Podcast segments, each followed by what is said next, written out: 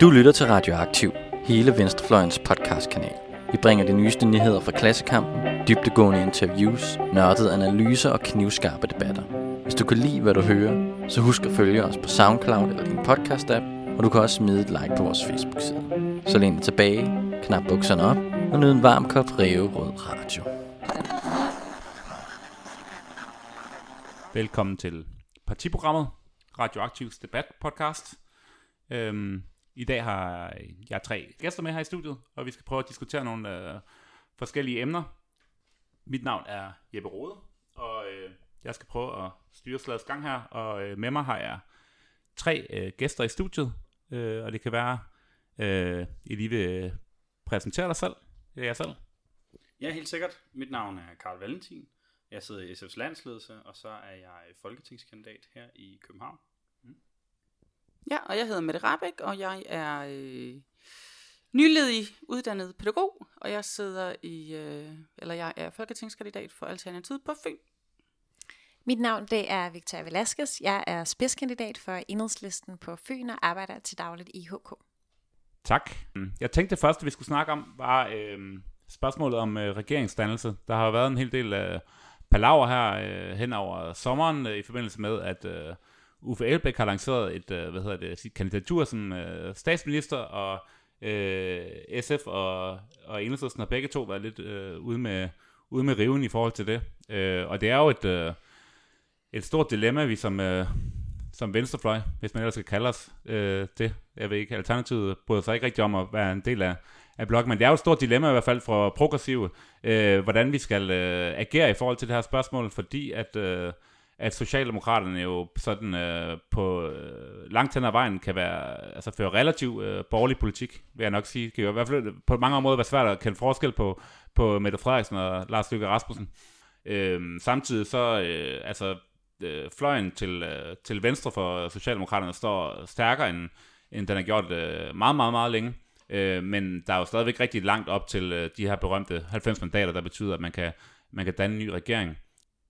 Men er der perspektiv i at trække Socialdemokraterne til venstre, eller øh, skal vi prøve at opbygge et øh, alternativt flertal på en eller anden måde, eller hvad, eller hvad stiller vi op for ligesom at i talesæt, øh, eller ligesom at, at, at få et øh, progressivt øh, øh, politik i sigte? Jeg kunne godt tænke mig at høre dig øh, med det første. Hvad tænker du omkring øh, det her med øh, Uffe Elbæks statsministerkandidatur? Altså, selv for mig kom det lidt som en overraskelse, men øh, det er jo også øh, en af grundene til, at jeg er med i Alternativet. Altså, jeg har været øh, uden lands i rigtig mange år, og kom først tilbage øh, til Danmark i 2014. Og i 15 skulle jeg jo så til at tage stilling til, hvor fanden står jeg hen politisk. Øh, og det er jo ikke nogen hemmelighed, at det så til sidst endte øh, mellem enhedslisten og, og Alternativet. Og jeg synes faktisk personligt, at Alternativet måske var øh, lidt for visionær. Men så når jeg så kigger på mit eget liv, så resonerer det bare meget med Alternativet. Det er visionært, det er drømme, øh, og man, man tror på det, og jeg har jo rejst rigtig meget, og måske levet et liv, som mange andre drømmer om. Og da den der tanke sådan ligesom resonerede med mig, så tænkte jeg, så bliver det alternativ, så prøver jeg det. Og jeg savner virkelig noget andet i dansk politik. Og øh, det er jo ret interessant, du bringer jo selv progressivitet frem, og ja, det her det er jo ret progressivt. Men jeg vil også ønske, at der var flere, som, som tog til i den, og fuldstændig brød op med den der blokpolitik, vi har nu. Men øh, Alternativet står til 4-5% af stemmerne, eller noget af den stil. Mm. Øh, der er jo lidt langt til at kunne øh, danne, en, øh, danne en regering for Uffe Elbæk. Øh, er det ikke bare en, en gratis omgang? Oh, jeg tænker, det kommer lidt an på, hvordan man ser det. Altså, jeg ser det jo bare som en forandring, og jeg ser det som lidt et opråb. Øh, og så kan folk jo vælge, om de vil følge med eller ej. Øh, men hvis vi bare fortsætter, som vi gør nu, så sker der slet ingenting, så forbliver det bare status quo. Og når du, når du ser tilbage på, hvad dansk politik har været de sidste øh, 10, 15, 20 år, så savner jeg personligt, og det kan jeg jo også høre på gaden, altså folk, de savner sgu noget andet. Mm. Så er det, er, det, er det realistisk? Det er det højst sandsynligt ikke. Men det sætter sgu nogle øh, nye krav, og det sætter nogle nye... Øh, altså det sætter en hel masse ting til ny debat. Og det synes jeg faktisk er vigtigt. Mm at vi får det her til debat. Nu er SF øh, meget klar også øh, i spillet. Jeg kan huske, jeg hørte øh, Carsten Hønge øh, virkelig ude og, og øh, række øh, alternativet ned og, og latterliggøre dem for det her forslag. Øh, hvad tænker du om, øh, om hele det her spørgsmål, Karl? Ja, Carsten Hønge han er altid øh, lidt, øh, lidt, lidt skarp i sine formuleringer, men, men helt grundlæggende synes jo ja, at han har ret i, at det er lidt absurd at stille sig op og, øh, og sige, at man vil have øh, statsministerposten, når man står til 4-5% af stemmerne. Og jeg mener sådan set helt grundlæggende, at det, altså, det er et positivt træk for Alternativet, at, at man siger, at man ønsker regeringsansvar, og man, man ønsker del i magten. Det, det køber jeg helt sikkert. Jeg synes, det, det er noget godt. Men derfra og så til at, at, at, at gå til, at, at så lille et parti skulle have statsministeriet, øh, det, det synes jeg er lidt useriøst. Og, øh, og jeg tror, at de fleste, der kigger på det, godt kan se, at det kommer til at blive til noget. Og så synes jeg bare, det er rigtig ærgerligt, at man bruger en hel masse tid på at fremlægge politiske udspil, der handler om, øh, hvordan man skal indrette de forskellige ministerier og sådan nogle ting, i stedet for at, øh, at fokusere på politikken og på det vigtige, og på det, der samler os i øh, sådan på centrum venstre. Øhm, jeg tror ikke på, at det der sololøb er, er specielt godt for Rød Blok. Hvad er SF's øh, strategi i forhold til det her? I forhold til alternativet? Nej, i forhold til regeringsspørgsmålet. Jamen altså, øh, vi har det jo sådan, at øh, vi er villige til at gå i regering, hvis vi synes, politikken er den rigtige. Men øh, jeg tror, at den fejl, man begik øh, sidste gang fra SF's side, det var, at vi havde besluttet os inden valget for, om vi ville gå i regering eller ej. Og vi havde besluttet os for, at det ville vi, øh, koster det vil. Og, øh, og det, det kostede dyrt, folk kender historien. Ikke? Mm. Øhm, jeg tror på, at det, det rigtige at gøre, det er at sige, at, øh, at vi er klar til at tage regeringsansvar, men det kræver, at politikken er den rigtige. Og hvis SF skal i regering igen, så mener jeg, at der skal et grundlæggende opgør med den økonomiske politik, der blev ført sidste gang til. Øhm, og jeg mener, at man skal have nogle markante politiske indrømmelser for Socialdemokratiet, for at, at vi vil kunne gå med. Øhm, men ellers så, så peger SF jo på Mette Frederiksen som statsminister, øhm, som øh, ja, den øh, partileder for, for det største parti i, i Rød Blok. Mm. Victoria, hvad mener du og Enhedslisten? Øh, kan man trække Socialdemokraterne til venstre, eller, eller hvad er strategien? Strategien for enhedslisten har jo faktisk ændret sig. Øhm, I 25 år, må det jo være, har man været øh, støtteparti for, øh, for Socialdemokraterne, og det har man jo egentlig også været under sager som Dong, eller lærerkonflikten. Og der har man faktisk ændret strategien nu, som er, at det er ikke nødvendigvis kun det, at vi ikke stemmer for den politik, vi ikke er enige i, men at vi faktisk også kan øh, stille et mistillidsvotum på disse ting, hvor vi synes, at, at der kan vi bare ikke bakke op om, at det er en politik, der skal føres med vores øh, mandater. Så selvfølgelig vil vi da synes, drømmescenariet var, at vi vil få forandringsblok, som Pelle Dragsted også har talt om, og at Pernille Skipper vil være statsminister. Øh, men det er jo sådan en dronningerunde, at øh, selvom der måske er et flertal for, at det ikke skal være Lars Lykke, der er statsminister, så kræver det altså også, at man har et flertal for den, man så gerne vil have som statsminister, og det er derfor, at vi lige nu lægger op til, at det skal være Mette, som der skal være partilederen i forhold til det, som vi støtter som statsministerkandidat.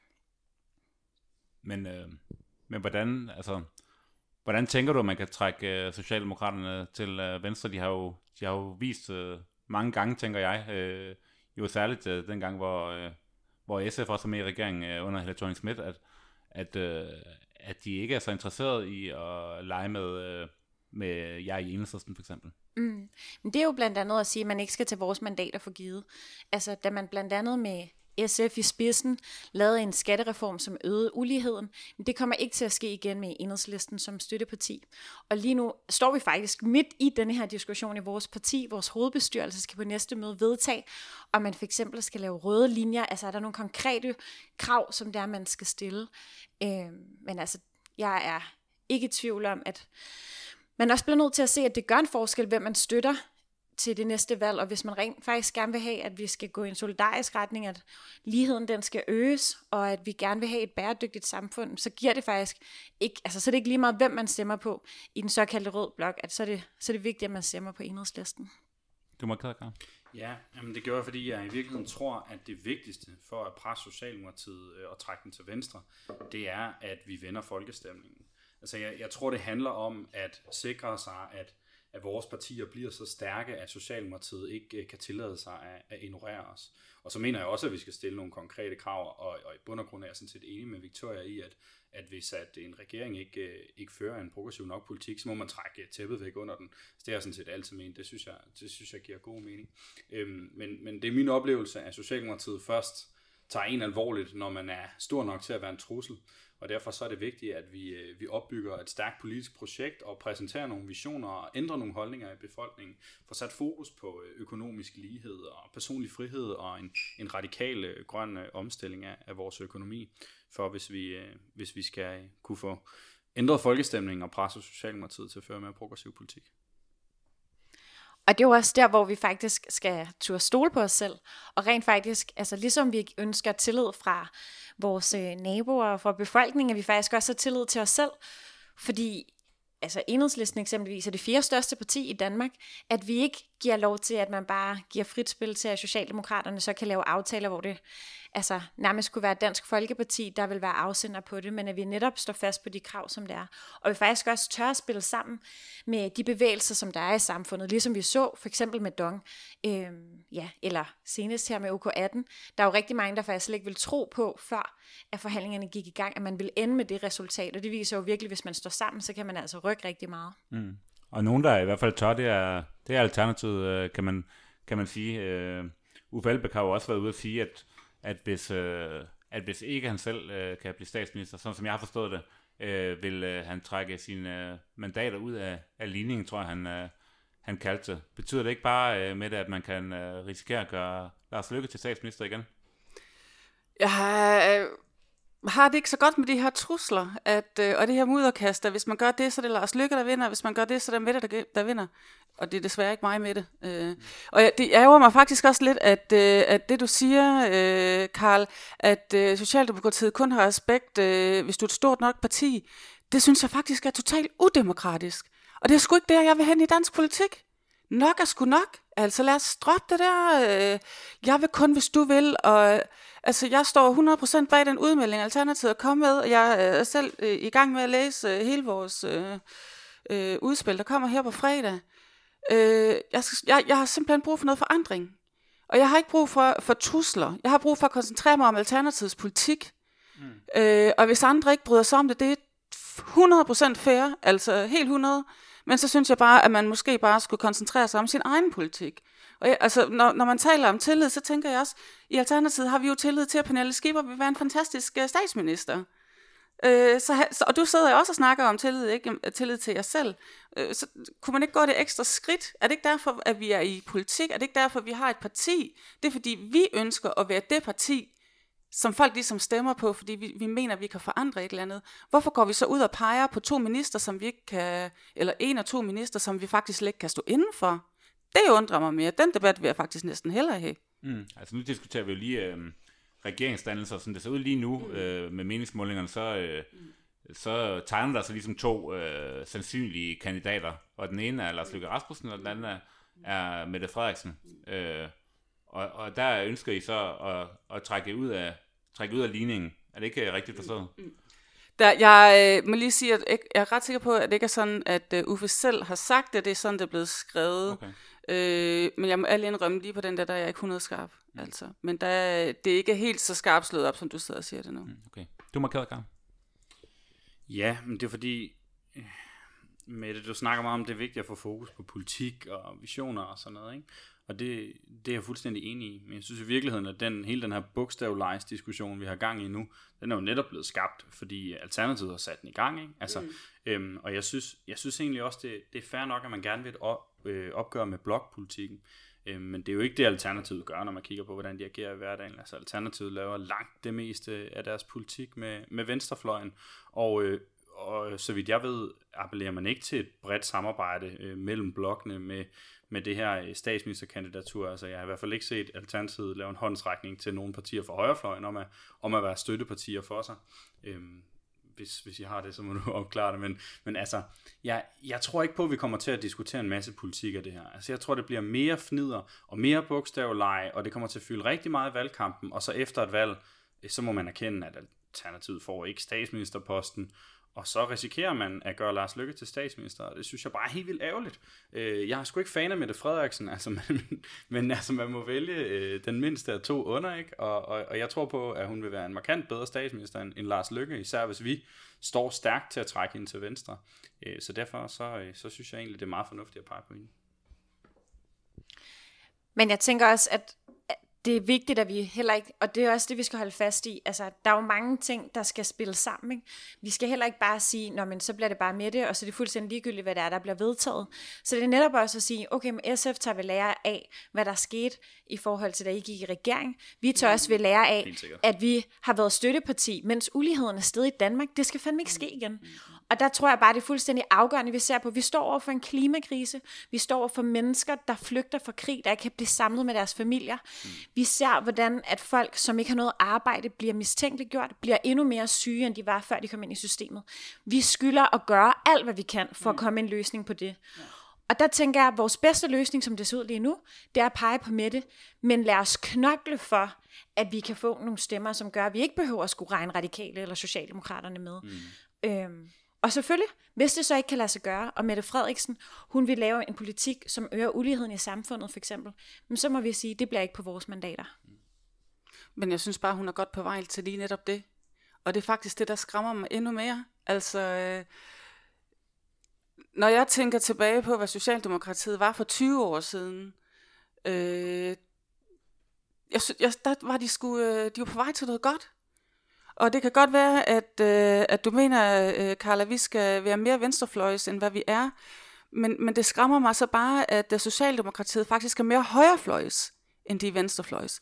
Personligt kan jeg simpelthen ikke stå inden for den der øh, uhumane eller inhumane politik, der bliver ført. For jeg er sgu også bekymret for den stigende ulighed, der er i, øh, mellem mennesker, både i Danmark, men også øh, i Europa og hele verden, og, øh, og de her klimaforandringer. Og øh, personligt, der må jeg bare sige, at jeg er ikke overbevist om, at, det, at Socialdemokratiet har, øh, har store, øh, hvad hedder sådan noget, ønsker om at gøre og sætte ind der. Altså bare det, at de ikke ønsker at tage imod kvoteflygtning, det, siger, det sætter sgu lidt, øh, det sætter lidt punktum kommet for, hvad, hvad, hvad de egentlig ønsker. Ikke?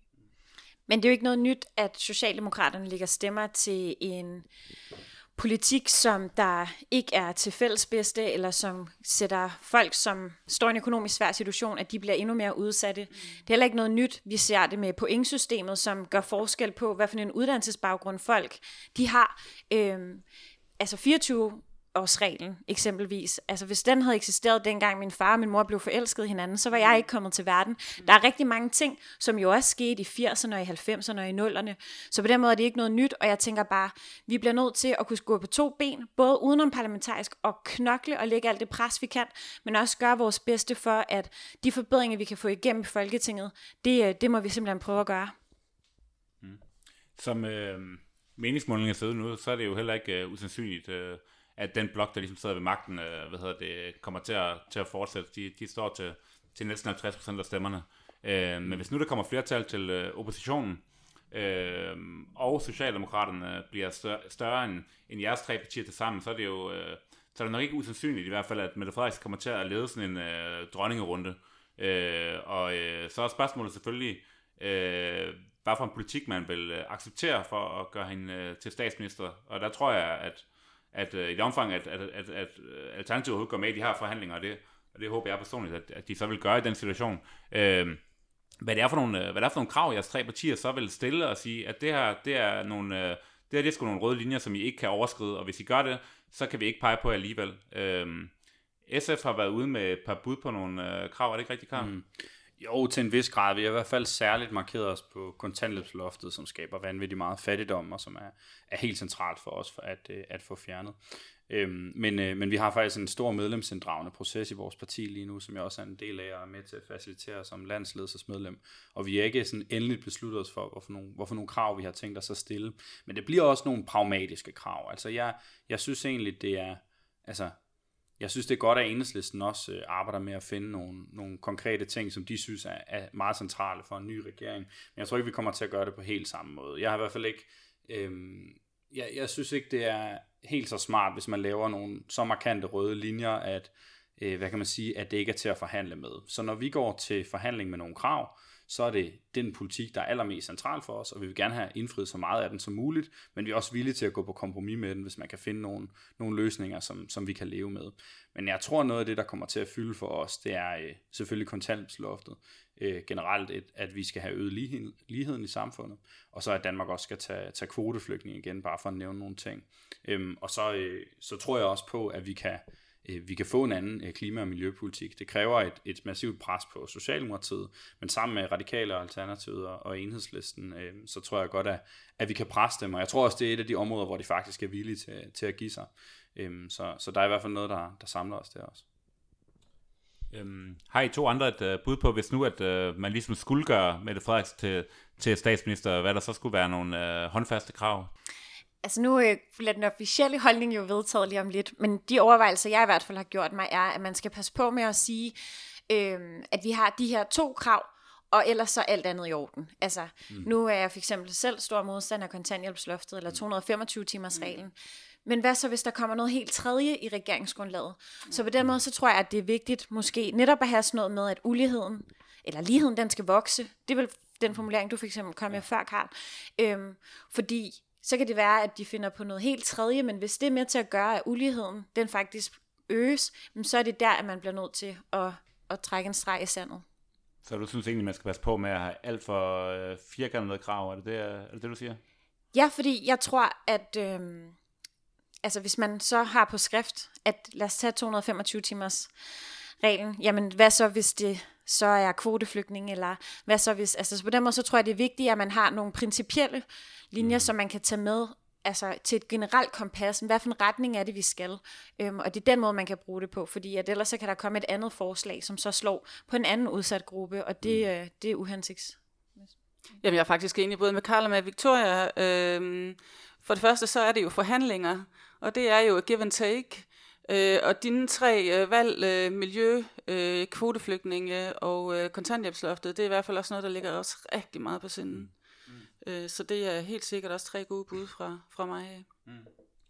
Alright, jamen øh, nu, kan der jo, nu ved vi jo ikke, hvornår, øh, hvornår valget kommer, men øh, uanset hvad, så øh, synes jeg, at vi alle sammen skal knokle for, at, øh, at de mest progressive partier altså dem, der ligger til valg, jeg tre, jeres tre partier, mm. øh, ved det bliver, bliver så store som muligt, og, og gerne større end øh, Socialdemokraterne.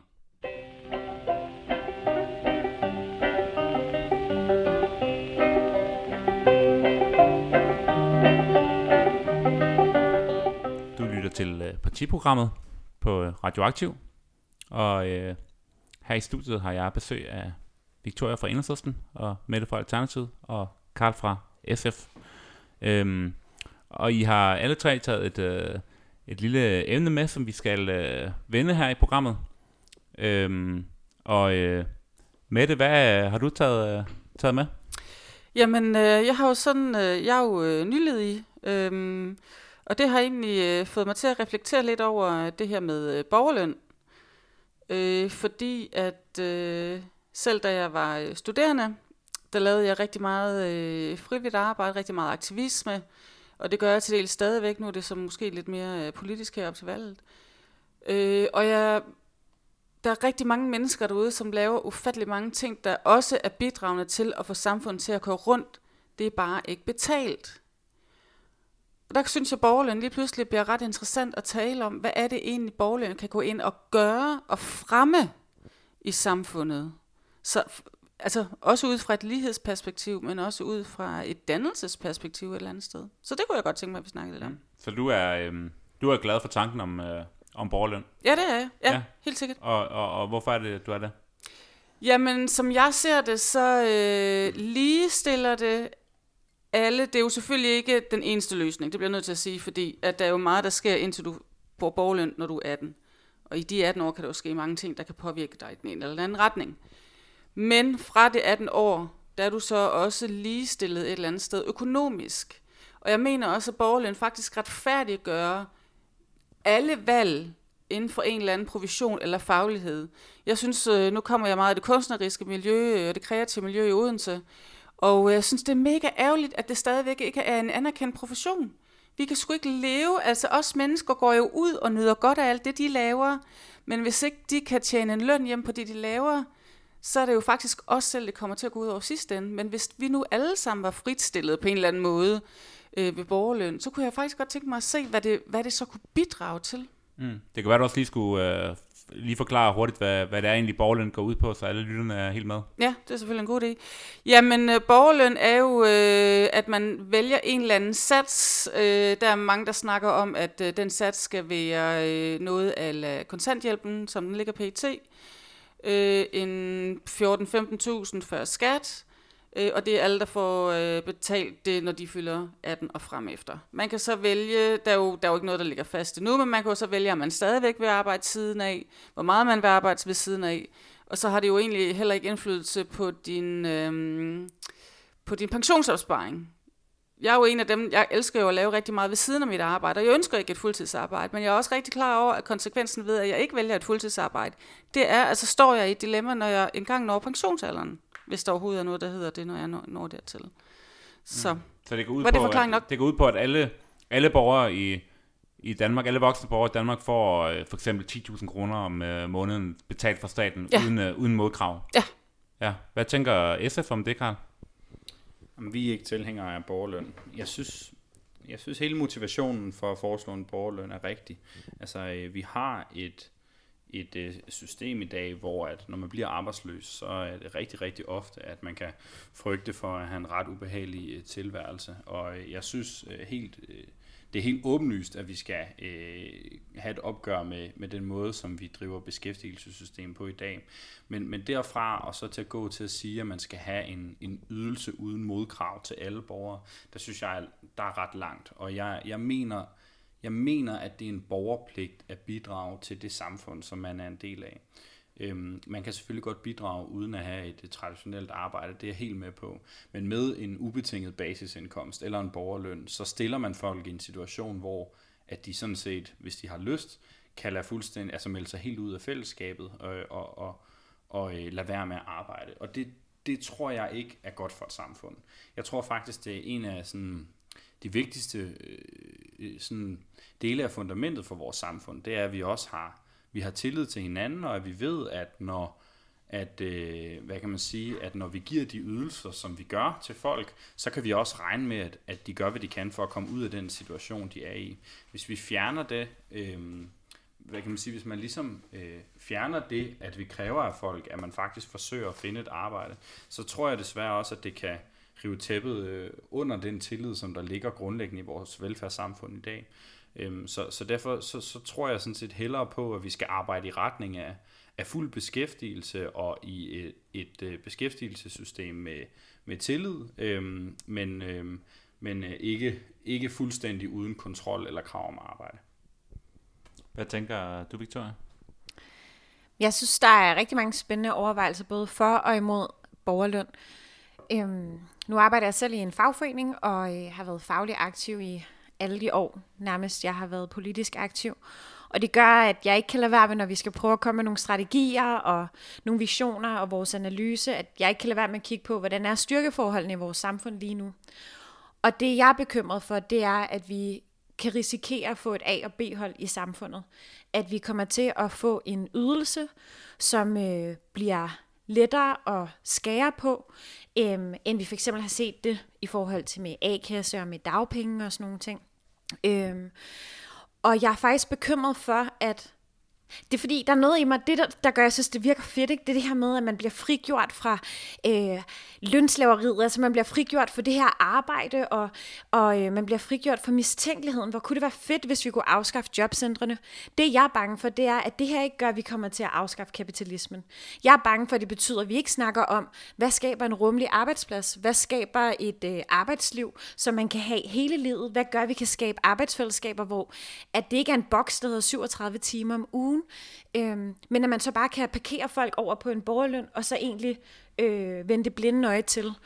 Øhm, så det er nogle af de bekymringer, jeg har i hvert fald, men jeg er heller ikke helt afklaret omkring det, men, men sådan som tingene ser ud lige nu, så øh, vil jeg være bekymret for, at en borgerløn ikke vil gøre det, som intention med det vil være, men i stedet for vil gøre, at vi kunne sætte nogen på altså et B-hold. Mette, hvad tænker du om de uh, argumenter, som uh, Karl og Victoria kommer med? Jamen, jeg kan faktisk sagtens forstå dem. Altså, det er jo også uh, tanker, jeg selv og vi selv har haft. Uh, uanset hvilke forslag du nærmest kommer med uh, nu om dagen, og det gør Alternativet jo også meget ud af, at der skal, altså for hver forslag vi har, så skal der være et plus og et minus, altså hvad for og hvad imod. Uh, men Victoria snakker om et A- og et B-hold. Og, og som jeg ser det, så, så er vi faktisk allerede på vej til A- og B-hold. Jeg vil næsten sige, at den stigende ulighed faktisk gør, at vi har A- og B-hold i, dag, i Danmark nu. Øhm, og så øh, taler øh, Karl om tillid til, at øh, folk vil være, at, at vi skal have tillid til folk, og det er jeg helt enig i. Men jeg, og, og den tillid vil jeg også bare gerne give til folk, at de også gerne stadigvæk vil bidrage til fællesskabet, og stadigvæk vil bidrage til samfundet på en eller anden måde. Fordi vi er jo flokdyr, og jeg tror, det er meget få af os, der faktisk vælger at stille os udenfor. Og borgerløn er jo ikke ensbetydende med, at hele vores velfærdssamfund ophører med at eksistere. Der skal der stadigvæk være nogle instanser, der gør, at hvis vi har en, en person, som, vi, som systemet på en eller anden måde har kendskab til, kæmper med at komme ud af seng derhjemme, så skal der stadigvæk være et velfærdssamfund, der går ind og siger, hvad kan vi gøre for dig? Så for mig der er borgerløn ikke en udelukkelse af samfundet overhovedet. For mig der giver det bare større muligheder. Øhm, og, og fællesskab kan jo være mange ting. Øh, du behøver jo ikke øh, nødvendigvis at bidrage til fællesskabet ved, ved at have et, øh, et øh, 9-15 job eller et eller andet. Det kan du gøre på mange andre måder. Mm. Men nu siger du for eksempel det her med, at velfærdssamfundet stadig skal eksistere. Og det synes jeg også, man kan stille spørgsmålstegn ved. Har vi et velfærdssamfund? Ja, for den brede middelklasse. Men nogle af de mennesker, som jeg møder, som altså, har røven i vandskorben, og som ikke har penge til at kunne betale for medicin, eller ikke at kunne holde deres barns fødselsdag, de mærker ikke velfærdssamfundet. Og det er derfor, at jeg bliver bekymret for, at det her kan blive en måde, ligesom vi ser, at der bliver fjernet ydelser, at der bliver skåret i ydelser, at det her også kommer til at ske.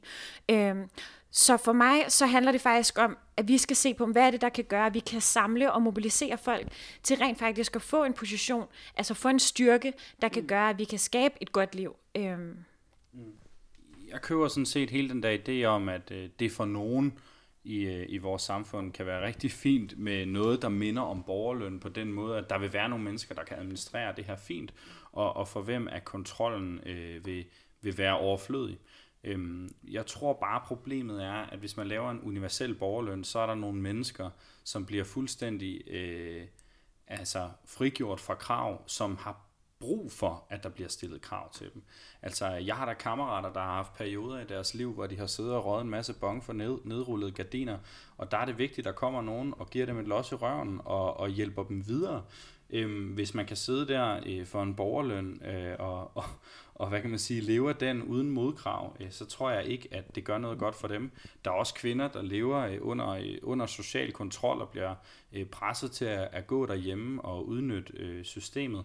Og hvis man ikke kan stille nogen krav til dem om, at de skal tage en uddannelse eller bidrage til samfundet på en anden måde, så er jeg også bange for, at der er flere, der bliver fastholdt i sådan en situation.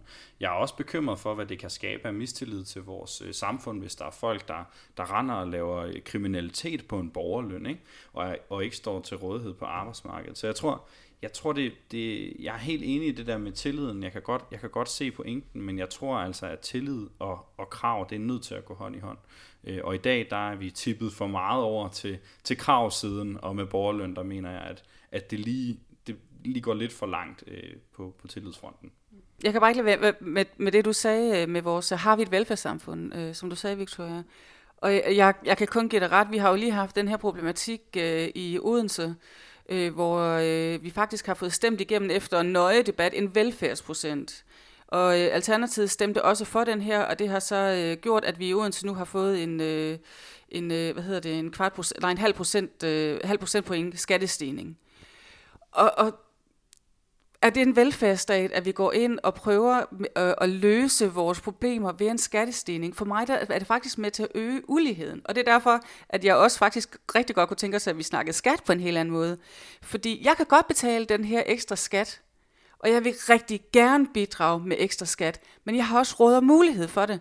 Hvis du tager nogle af de hårdest ramte familier i Odense, altså Odense, jeg er bekymret for, at det er ved at være et totalt elitær by, de hårdest ramte familier i Odense, for dem kan den her ekstra øh, lille skattestigning faktisk betyde, at der ikke er faste lavnsudklædning. Man kan ikke være med i Secret Santa op i skolen, eller også kan man, men så skal det afveje noget andet. Er det medicin? Er det, hvad for, skal vi have havregrød på bordet tre dage i træk? Så jeg synes faktisk, det er et ret interessant øh, perspektiv, du kommer på med det der velfærdssamfund. Og så lige hvis jeg må øh, sige noget om, om krav også, Øh, Øh, jeg mener stadigvæk ikke, at, at det ene udelukker det andet. Jeg synes stadigvæk, hvis vi kan få vores velfærdssamfund op at stå igen, at vi skal have den her øh, omsorg øh, for hinanden. Øh, fordi jeg, jeg, jeg er faktisk enig, jeg tror ikke, det er alle, der kan administrere det, men jeg, jeg vil stadigvæk våge den påstand, at de fleste kan. Ja, jeg vil bare sige, i forhold til det her med skat og sådan noget, og i forhold til forskellen af det, så vil 14.000 kroner før skat om måneden jo stadig skabe en kæmpe ulighed i vores samfund i forhold til, hvad nogle af dem, der så er på arbejde, de rent faktisk tjener. Øhm, så jeg tror altså ikke, at det vil være en, ja, en borgerløn på 14.000 før skat, som er løsningen, men at vi knokler for at skabe et arbejdsliv, hvor der er plads til forskellighed, og som er rummeligt, og vi rent faktisk prøver at få folk i arbejde, og så går efter, ja, den øh, gamle sætning, yde efter evne og nyde efter behov.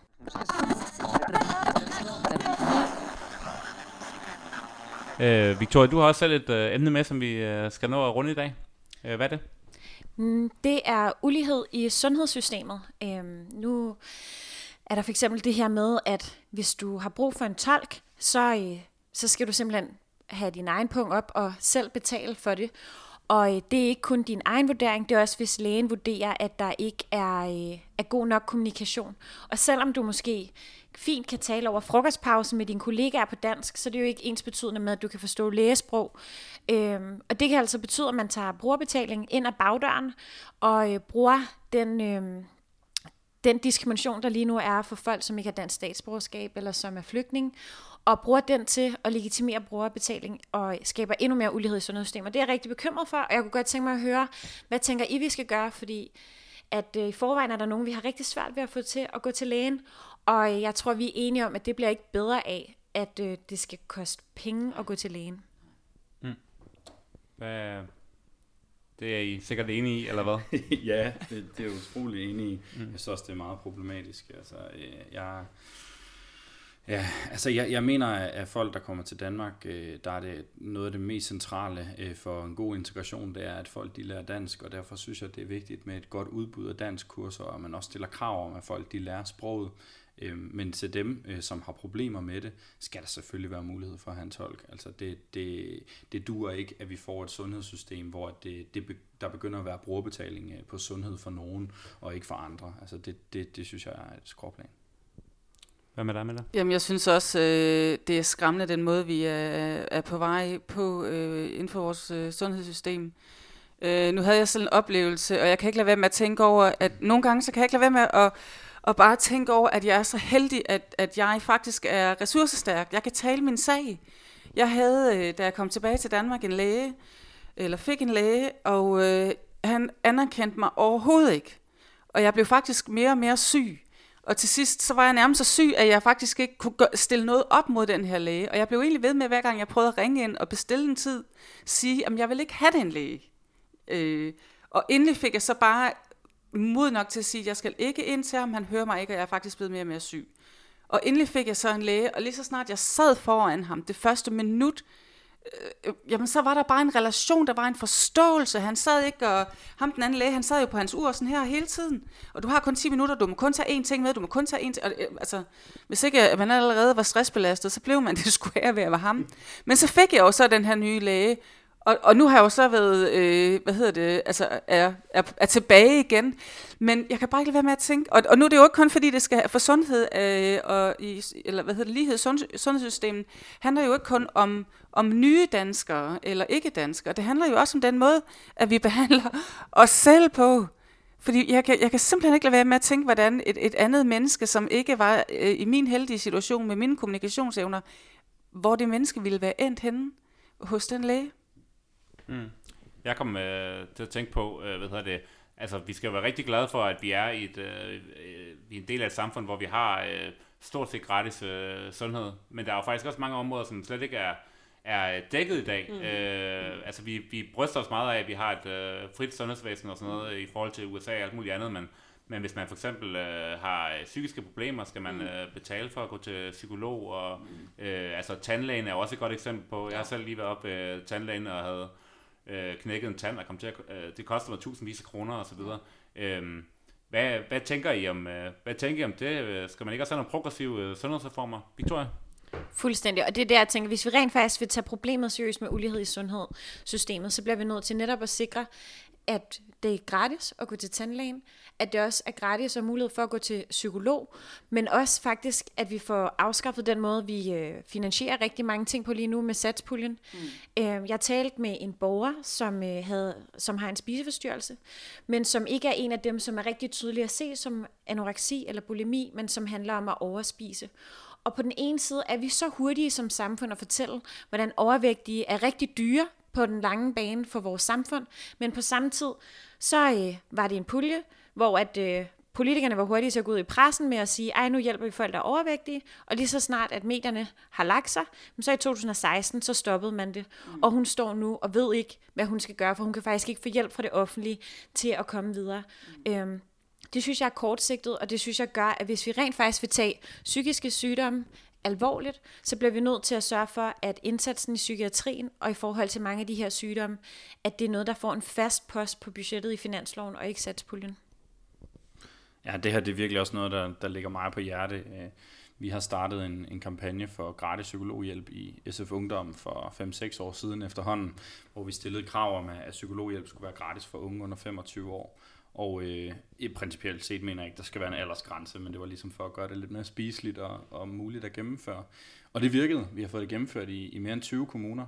Og da jeg sidste år i, i en kort periode var folketingsmedlem, jeg var indsupplet i stedet for Carsten Hønge, der fik vi faktisk også gennemført det på national plan for, for de 18-20-årige øhm, i en begrænset periode, fordi det er satspuljemidler, men, men som et rigtig vigtigt øh, hvad kan man sige, skridt i den rigtige retning, og hvor man får prøvet det af.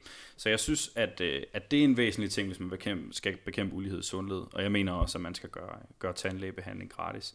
Derudover så mener jeg, at øh, receptpligtig medicin øh, også er et vigtigt sted at sætte ind. Øh, det skal være væsentligt billigere. Øh, det kan godt være ret omkostningsfuldt at være syg øh, i forhold til, at man selv skal betale for, for sin medicin. Og så tror jeg også på, at øh, ud over alle de her ting, vi snakker om nu, som jo meget behandling, at det er forebyggelsen, vi skal mm. sætte ind. Og der er ikke nogen tvivl om, at arbejdsmiljøet det er det allermest centrale. Altså øh, noget af den største ulighed i sundhed, der er... Øh, i, øh, i, i Danmark, det, det handler om, hvorfor et job man har. Altså, der er med lang, for, lang tids forskel på, på levealder, alt efter om man er 3F'er, eller, øh, eller om man er direktør. Ja. Øhm, og, og derfor så, så mener jeg, at det er, det er vigtigt, at vi, vi sørger for, at folk har et ordentligt arbejdsmiljø, hvor de ikke bliver nedslidte. Jeg kan jo kun være enig. Øhm, vi har fået, øh, vi har faktisk fået det implementeret i Odense Kommune med psykolog, psykologhjælp. Øh, 18-24, er det ikke sådan, der? Jeg tror faktisk, det er dem under 30, hvis jeg ikke husker er det helt, dem? Jamen, det helt forkert. Ja, ja.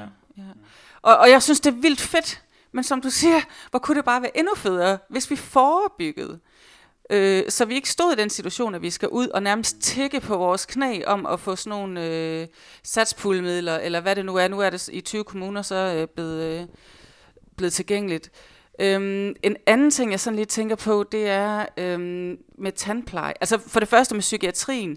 Hvis, vi nu, hvis det nu var gratis, så ville det jo også anerkende den sygdom endnu mere. Og det synes jeg faktisk er vigtigt. Det savner vi stadigvæk. Øhm, men hvis vi nu taler tandpleje, altså taget i betragtning af, at rigtig mange af vores sygdomme faktisk opstår i munden, så forstår jeg jo ikke, hvorfor man ikke prøver at forebygge med gratis tandpleje. Jeg tænker, at der venter os en ret stor opgave, og det er, at vi får afslået højrefløjen i, at når de prøver at få det til at lyde som om, at de har givet endnu flere penge til sundhedssystemet, at vi rent faktisk får påpeget, I har lavet fuldstændig ufinansieret krav til, at der skal være endnu flere mennesker på operationsbordet. Mm. Der er ikke blevet afsat ressourcer til omsorgsarbejde, mm. til forebyggelse, også bare til det arbejde, der skal laves efterfølgende, sådan så folk ikke kommer tilbage igen og skal være på operationsstuen. Øhm, og det betyder jo rent faktisk, at der er afsat færre ressourcer, at nummeringerne bliver presset.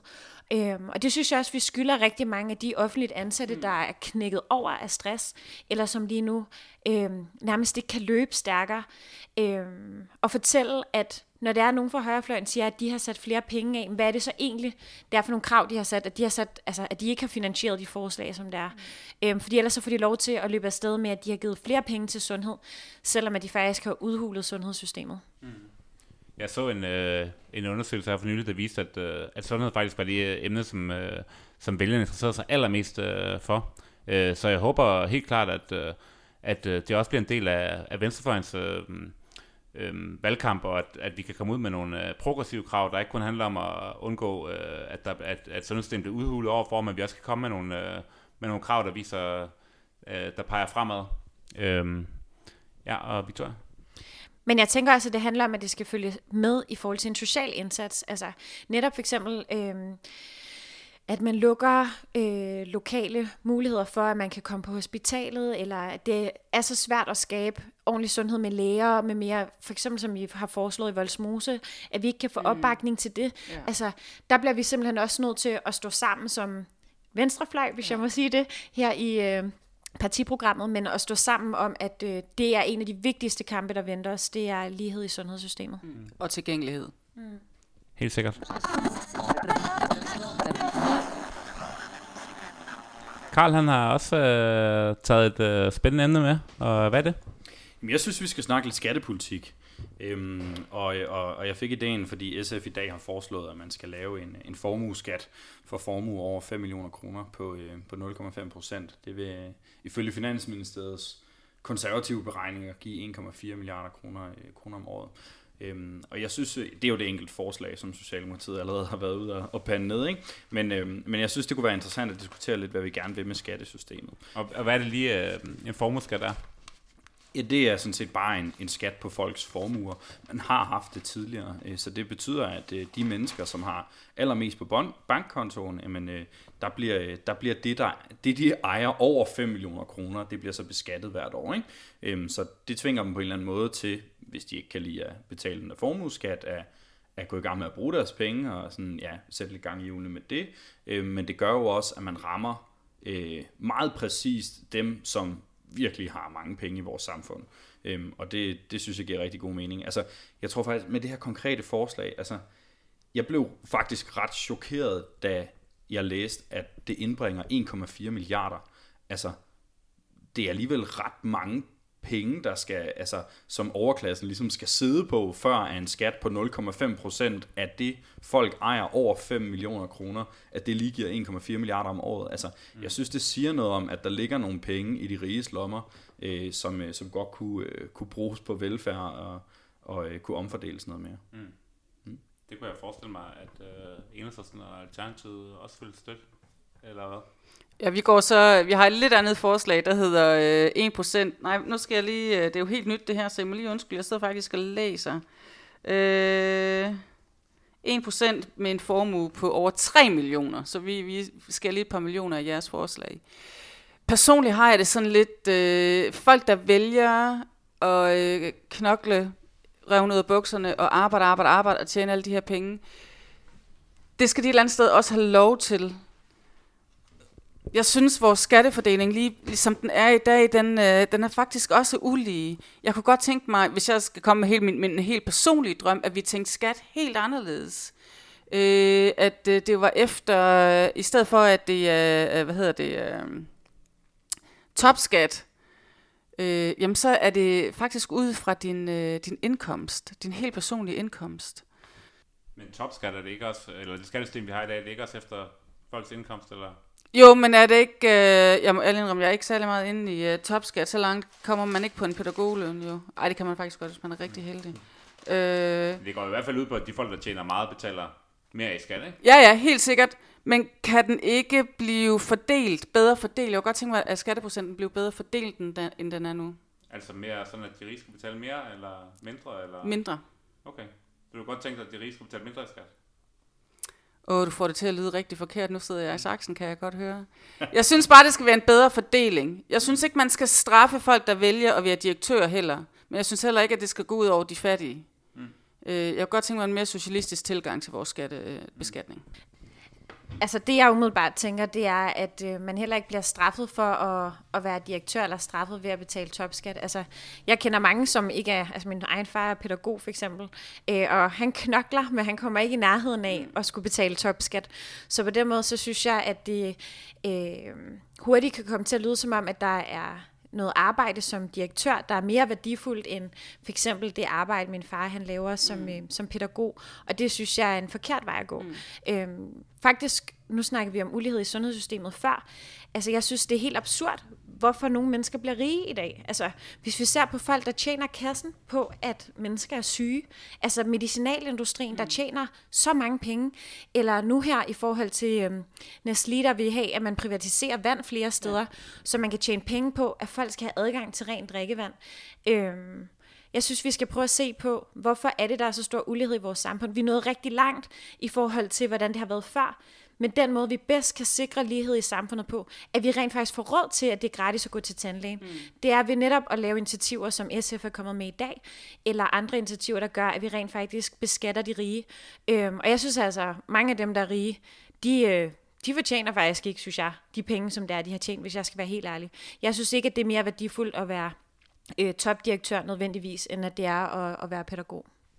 Og jeg er meget enig i det, Victoria lige sagde, og så er det jo også helt grundlæggende sådan, at jeg synes, den største uretfærdighed i det kapitalistiske system, det er, at de få bliver rige på de manges arbejde. Og at der sidder nogle mennesker, som ejer virksomheder, direktører, og som sidder og skummer fløden, øh, og, og i virkeligheden øh, tjener penge på de arbejdere, som de har ansat for dem. Ikke? Det er en helt klassisk marxistiske analyse. Så altså, når vi går ind og vil beskatte de rige noget mere, øh, så er det jo ikke fordi, at, at man vil gøre det surt for direktørerne. Så er det fordi, vi ikke synes, at den løn, som folk får i dag, afspejler den værdi, som man reelt skaber, når man går på arbejde. Altså, jeg mener ikke, at der er nogen, øh, der er mere værd end 100 millioner om året, øh, og hvad folk ellers kan være op at tjene. Altså jeg synes, det er helt absurd, at man lønner enkelte individer så meget. Altså så meget af deres arbejde øh, for det første ikke værd, og derudover så er det også enormt skævt i forhold til, hvad vores samfund har godt af. Altså der er masser af undersøgelser, der viser, at lige, mere lige samfund klarer sig bedre øh, på, på mange centrale spørgsmål, på, øh, på negativ social arv, på børnedødelighed, på tillid mellem mennesker og mange andre ting, der klarer lige samfund sig bedre. Så der er både nogle sådan helt grundlæggende ideologiske argumenter for, hvorfor jeg synes, vi skal øge ligheden, blandt andet ved at beskatte de rige noget mere, men også nogle meget sådan praktiske argumenter, ikke? Altså at lige samfund klarer sig bedre. Men jeg tænker også, at der er flere steder, man så også kan træde ind. Fordi hvor tjener folk ellers penge? Fordi den kapitalismekritik, du kommer med der, Karl, mm. den er jeg meget enig i.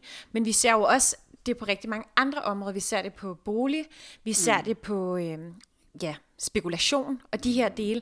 Og der synes jeg bare, at vi ser partier går i den helt forkerte retning med eksempel ghettoplanen, ja. at man straffer lejerne, imens folk, der ejer deres bolig, øh, de tjener penge uden overhovedet at renovere deres, øh, deres bolig. Det synes jeg er enormt kritisabelt.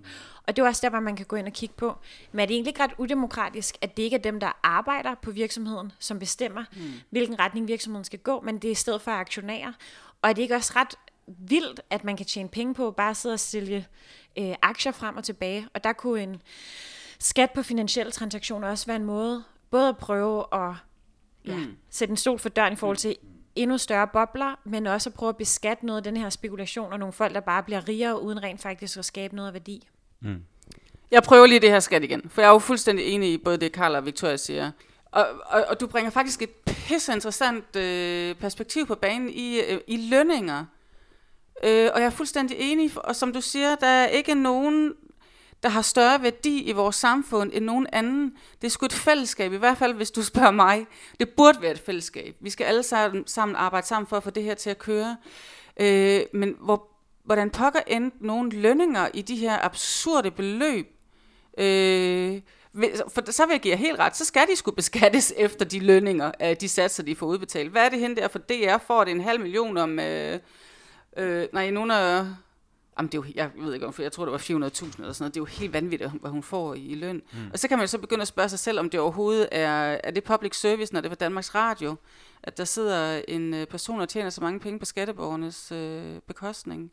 Det synes jeg er skræmmende. Mm. Nu nævnte uh, Victoria også lige boligskat, og det er også noget, jeg har tænkt på, at det er, sådan, det er ligesom om, det er et uh, tabu i dansk politik, og jeg synes ikke engang, man hører venstrefløjen rigtig snakke om det, men jeg synes det, altså jeg kender flere mennesker, nu bor jeg her i København, hvor vi også optager programmet, og jeg kender flere mennesker, der har, øh, der har haft en bolig i en øh, kortere overrække, og har tjent mere på at have den bolig, uh, da de solgte den videre, end de har tjent ved at gå på arbejde hver dag. Og det synes jeg er så fuldkommen absurd. Altså, især her i København, hvor boligerne bare stiger og stiger, at man ikke, øh, at man ikke beskatter det. Øh, hvad tænker I om det? Jamen, øh, jamen, det er helt grotesk, og jeg synes i virkeligheden, øh, en rettesnor kan være, lidt karikeret sagt, at vi skal prøve at blive bedre til at beskatte nogle af de ting, vi ikke kan lide. Altså, vi skal prøve at beskatte noget boligspekulation noget mere. Vi skal beskatte aktiespekulation noget mere. Sådan noget som en finansskat, øh, som du nævnte før, Victoria, det er jo øhm, et, et fantastisk redskab, både til at kratte nogle penge ind for overklassen, men også til at få reguleret finanssektoren noget mere. Jeg synes, vi skal beskatte øh, forurening noget mere. Mm. Jeg synes, at det skal øh, kunne betale sig at arbejde, som de borgerlige hele tiden siger, og derfor synes jeg øh, ikke, at vi skal nødvendigvis beskatte arbejde helt lige så meget, men til gengæld beskatte formue og beskatte arv og beskatte nogle af de her ting. Øhm, så du vil faktisk så. gerne sætte skatten øh, ned på arbejde, hvis man kunne øh, hæve den andre steder? Ja, hvis, ja. Altså, ja, hvis vi havde flertal for det, øh, så, så var jeg game på det. Det er klart, hvis, hvis der var et forslag i morgen om at sænke skatten på arbejde, så ville jeg ikke stemme for, fordi det ville, altså, det ville betyde, at vi skulle skære i velfærden. Ikke? Men hvis øh, jeg kunne få lov til at lave en skattereform, så er det klart, så vil jeg øh, hæve skatten noget mere på det, jeg ikke kan lide. Øh, og så vil jeg øh, sænke den på arbejde. Altså, mm. helt sikkert. Vi vil også gerne sænke skatten for dem, som har de laveste indkomster. Det er kun dem i arbejde, men det vil også for dem på SU og på kontanthjælp. Øh, nu har jeg en kandidat i arbejdslivsstudier, og øh, det er meget normalt, at man kommer op og betaler øh, topskat. Hvis jeg, øh, nu har vi jo så i enhedslisten gennemsnitsløn fra en metalarbejder, så hvis øh, jeg kommer ind, så kommer jeg faktisk til at skulle gå ned i løn, øh, men ellers vil jeg komme til formentlig og, øh, og skulle betale topskat. Og det synes jeg da kun giver mening. Altså jeg synes da netop, det giver mening, at vi, som rent faktisk har nogle ressourcer til det, som har fået en uddannelse, betaler vores fællesskab, som har fået SU, at vi rent faktisk sørger for at bidrage til det. Øhm, og når vi knokler på på vores arbejde, så håber jeg da ikke, at det er fordi, at pengepunkten skal blive større, men det netop er at, at skabe en værdi øhm, i de fællesskaber, som, øh, som vi også har på arbejdspladsen.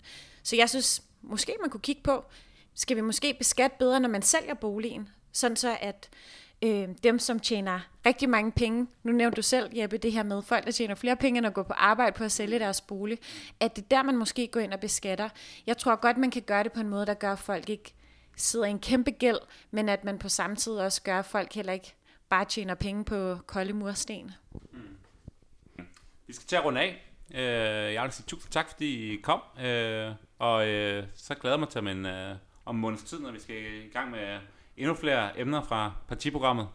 Øhm, vi ses. Sikkert. Det gør vi. tak, tak fordi du måtte være med.